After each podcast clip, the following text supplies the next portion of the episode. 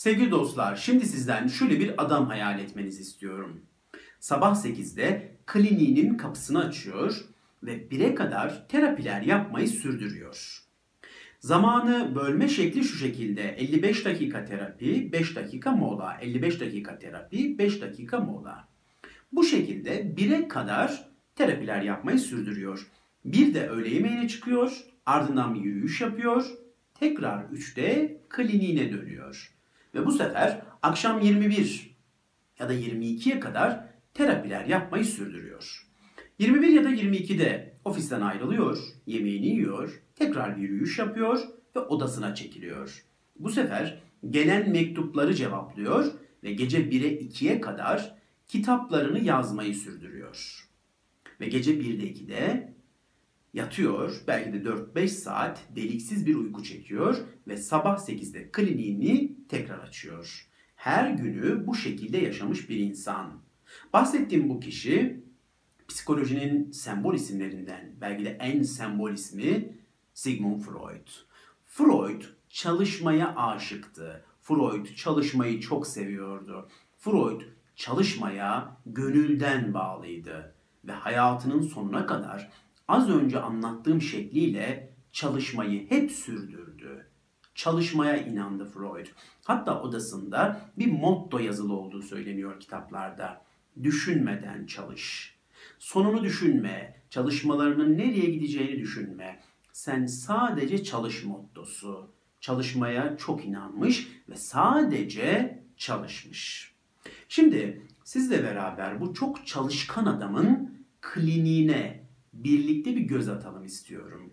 O klinikten yüzlerce, binlerce insan geçti. Freud'un o meşhur divanına yüzlerce, binlerce insan yandı.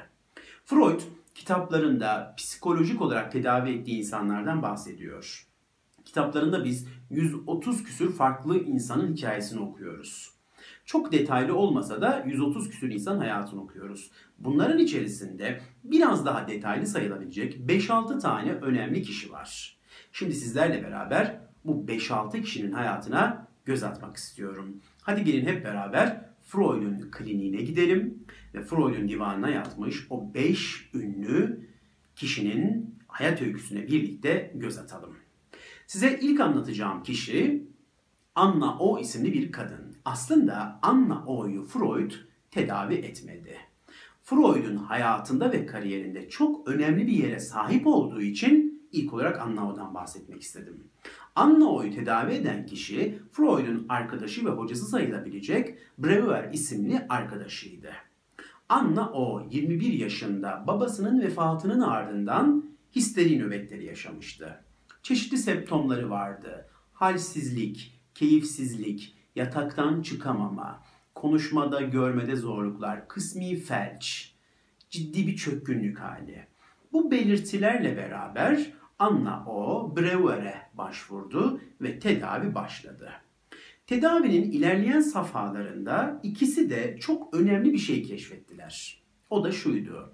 Anna O babasıyla ilgili hatıralarını anlattıkça, babasıyla ilgili duygularını anlattıkça, babası harici kendisiyle ilgili duygularını, düşüncelerini, hayat öyküsünü anlattıkça rahatlıyordu ve enteresan şekilde belirtiler tek tek ortadan kalkıyordu.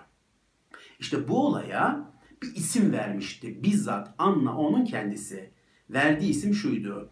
Konuşma kürü, baca temizliği yani konuşma terapisi. Breuer'den hipnoz değil, konuşma terapisi istiyordu Anna o ve Breuer de ona uydu ve konuşma terapisi devam etti. Bu sürecin ardından Anna O tedavisini tamamladı ve bir sosyal çalışmacı, bir sosyal hizmet uzmanı ve bir aktivist olarak hayatını sürdürdü. Aradan belli bir zaman geçtikten sonra bu olayı Anna O'nun hikayesini Breuer Freud'a anlattı. Tam da o sıralarda Freud yeni yeni meşhur olmaya başlıyordu.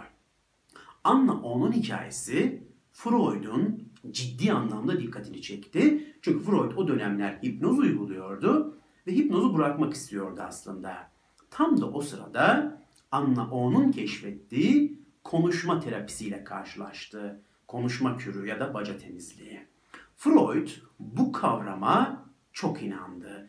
İnsanların duygusal bastırmalarını gün yüzüne çıkardıklarında rahatlayacaklarına inanıyordu. Anna onun rahatladığı gibi.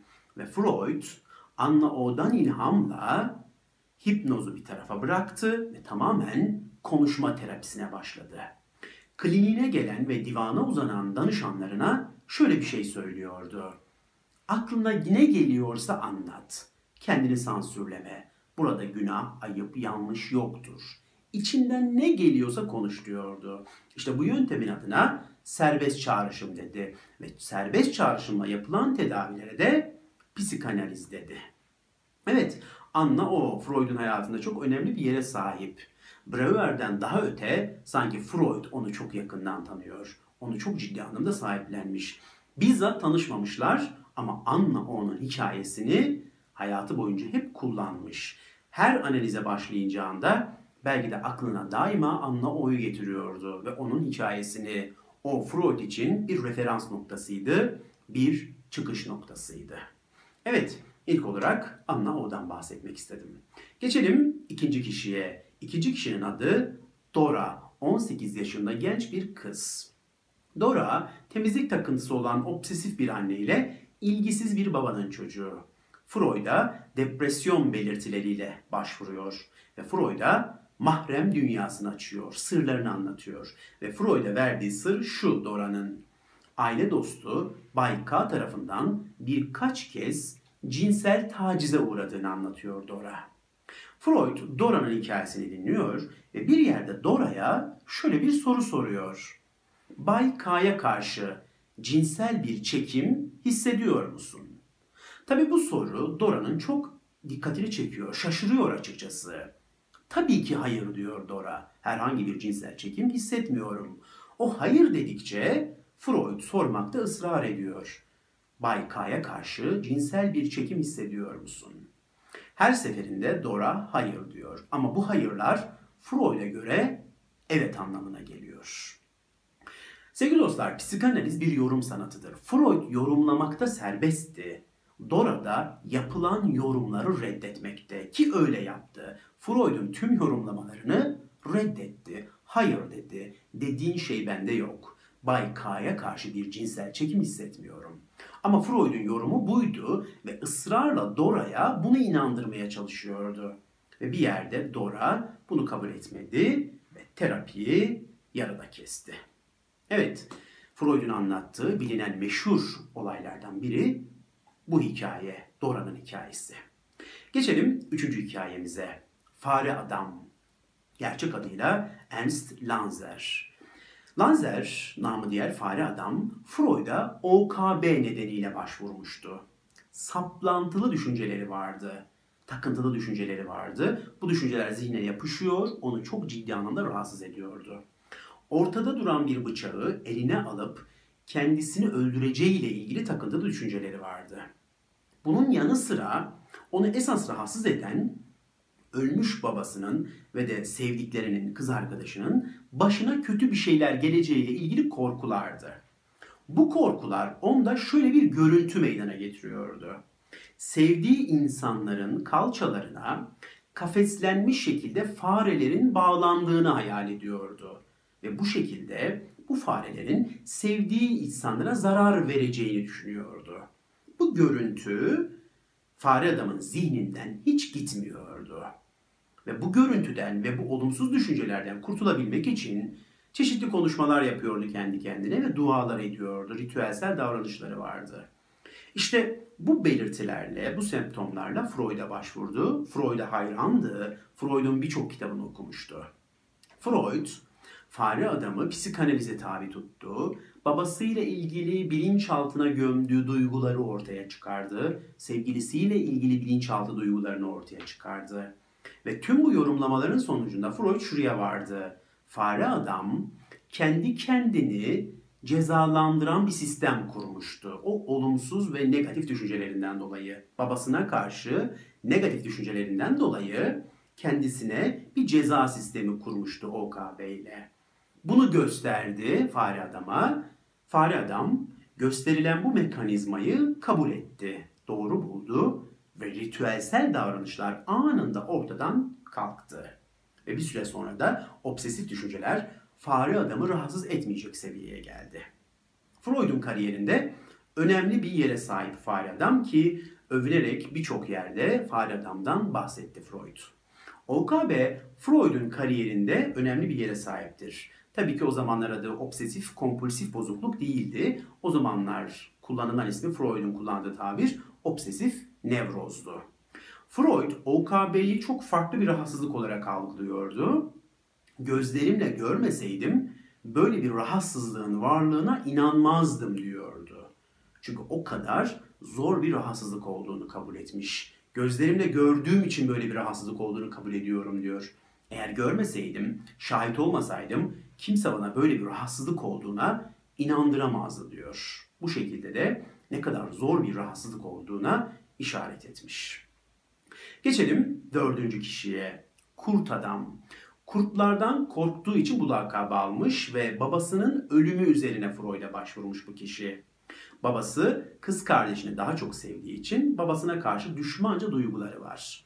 Freud'la uzun süren bir psikanaliz sürecine girmiş ama bu süreçte psikanalizle, Freud'un yorumlarıyla, psikanalitik yorumlarla hiç ilgilenmemiş. Ama Freud'la yaptığı tedavilerden daima tatminkar ayrılmış. Peki Freud'un tedavileri kurt adamı neden iyileştirmiş? Şundan dolayı kurt adam Freud'u babası rolüne koymuş ve Freud'un kişiliğine, duruşuna hayran olmuş. Ve aslında kurt adamı iyileştiren şey Freud'un bizzat kendisiymiş. Hayatta tadamadığı baba sevgisini Freud'la tatmaya çalışmış. O yüzden psikanalizle ve psikanalitik yorumlarla hiç ilgilenmemiş. Freud'un varlığı, o baba figürünün yerine geçiyor olması kurt adamı ciddi anlamda tatmin ediyormuş. Biz buna psikanalizde aktarım diyoruz. Yani insanların hayatlarındaki boşluğu terapistin doldurması demek. Bu bazen tersi de olabilir. Terapist de karşısındaki insanı hayatındaki bir boşluğa koyabilir. Evet, kurt adam örneğinde iyileştiren taraf bizzat baba figürü Freud'un baba figürü yerine konması. Geçelim 5. ve son anlatacağım olaya. O da Küçük Hans. 5 yaşında bir çocuk. At fobisi var ve atlardan ciddi anlamda korkuyor. Freud Küçük Hans'ın at korkusunu şu şekilde yorumlamış. Küçük Hans annesine aşık oluyor. 5 yaşındaki Hans annesine aşık oluyor ve babasının bunu öğrenmesiyle kendisine zarar vereceğini düşünüyor. Ve bu zarar verme korkularını bastırdığı için bu korkular at korkusu şeklinde ortaya çıkıyor. Ki biz buna zaten Oedipus kompleksi diyoruz. Bu kavramın mucidi de zaten bizzat Freud'un kendisi. Ne demek? 4-5 yaşındaki kız çocuğunun babasına, erkek çocuğun da annesine aşık olması demek. Oedipus kompleksi. Hans da annesine aşık oluyor ve babasının kendisine zarar vereceği ile ilgili korkuları bastırdığı için bu korkular at korkusu şekline dönüşüyor. Aslında at demek bir nevi onun dünyasında baba demek. At fobisi bu yüzden ortaya çıkmış. Freud küçük Hans'ın at korkusunu da kısaca bu şekilde yorumlamış. Anna o, Dora, fare adam, kurt adam, küçük Hans ve de diğerleri Freud'un kliniğine uğramış, Freud'un divanına uzanmış ünlü isimler. Anna o hariç belki ama diğerleri onun tedavi ettiği çok tarihe isimleri geçmiş ünlü insanlar. Sevgili dostlar, Freud psikanalizi keşfetti, bilinçaltını keşfetti. Ve bizim hayatın gerçeklerini, kendi gerçeklerimizi bilinçaltına nasıl gömdüğümüzü gösterdi.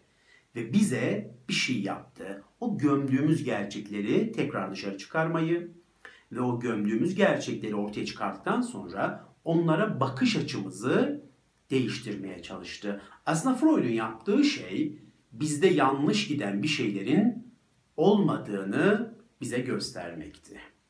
Freud psikanalizi keşfetti, serbest çağrışımı keşfetti, rüyaları yorumladı, Oedipus kompleksini keşfetti ve benzeri ve benzeri ve tüm bu özellikleriyle tarihe adını altın harflerle yazdırdı. Ama bana kalırsa Freud'u Freud yapan bunlar değildi. Freud'u farklı kılan en önemli özelliği şuydu. iyi bir dinleyici olması. Freud usta bir dinleyiciydi. Videonun başında söyledim. Günde 11-12 tane danışanını dinliyordu. Bıkmadan, usanmadan, can kulağıyla. Yorulma nedir bilmeden. Ve Freud'u Freud yapan buydu. Freud bize insanları nasıl dinleyeceğimizi öğretti. Ve bu da psikolojiye çok ciddi anlamda yön verdi. Şimdi düşünsenize siz 3 yıl, 4 yıl, haftada bir gün, bir saat birinin yanına gidiyorsunuz. Kendinizi anlatıyorsunuz ve o insan sizi hiç eleştirmiyor, yargılamıyor, suçlamıyor. Sizi dinliyor ve anlamaya çalışıyor. Bu iyileştirici bir faktör değil mi başlı başına? Bence öyle ki Freud da bunu yaptı. Günde 11-12 tane farklı hayat öyküsünü can kulağıyla dinledi. Freud'u Freud yapan bence buydu. İyi bir dinleyici olması ve bize de bunu öğretti. İnsanları nasıl dinleyeceğimizi öğretti. Ve bu da bence Freud'un en önemli yönüydü. Evet sevgili dostlar bu videoda Freud'un kliniğine bilgi göz atalım istedim. Oradan tarihe mal, olmuş 5 önemli ismin hayat hikayesine birlikte bakalım istedim. Bu hayat hikayelerinin daha geniş hallerini ve Freud'la ilgili daha geniş bilgileri elbette kitapçıların psikoloji reyonlarında bulabilirsiniz. Psikoloji reyonlarında, kitapçılarda Freud'la ilgili bir sürü kitap var. Uğramanız ve bir tanesini alıp okumanız iyi bir başlangıç olabilir. Freud okumak hayata bakışınızı bence genişletecek. Bunu ihmal etmeyin derim. Dinlediğiniz için teşekkür ederim.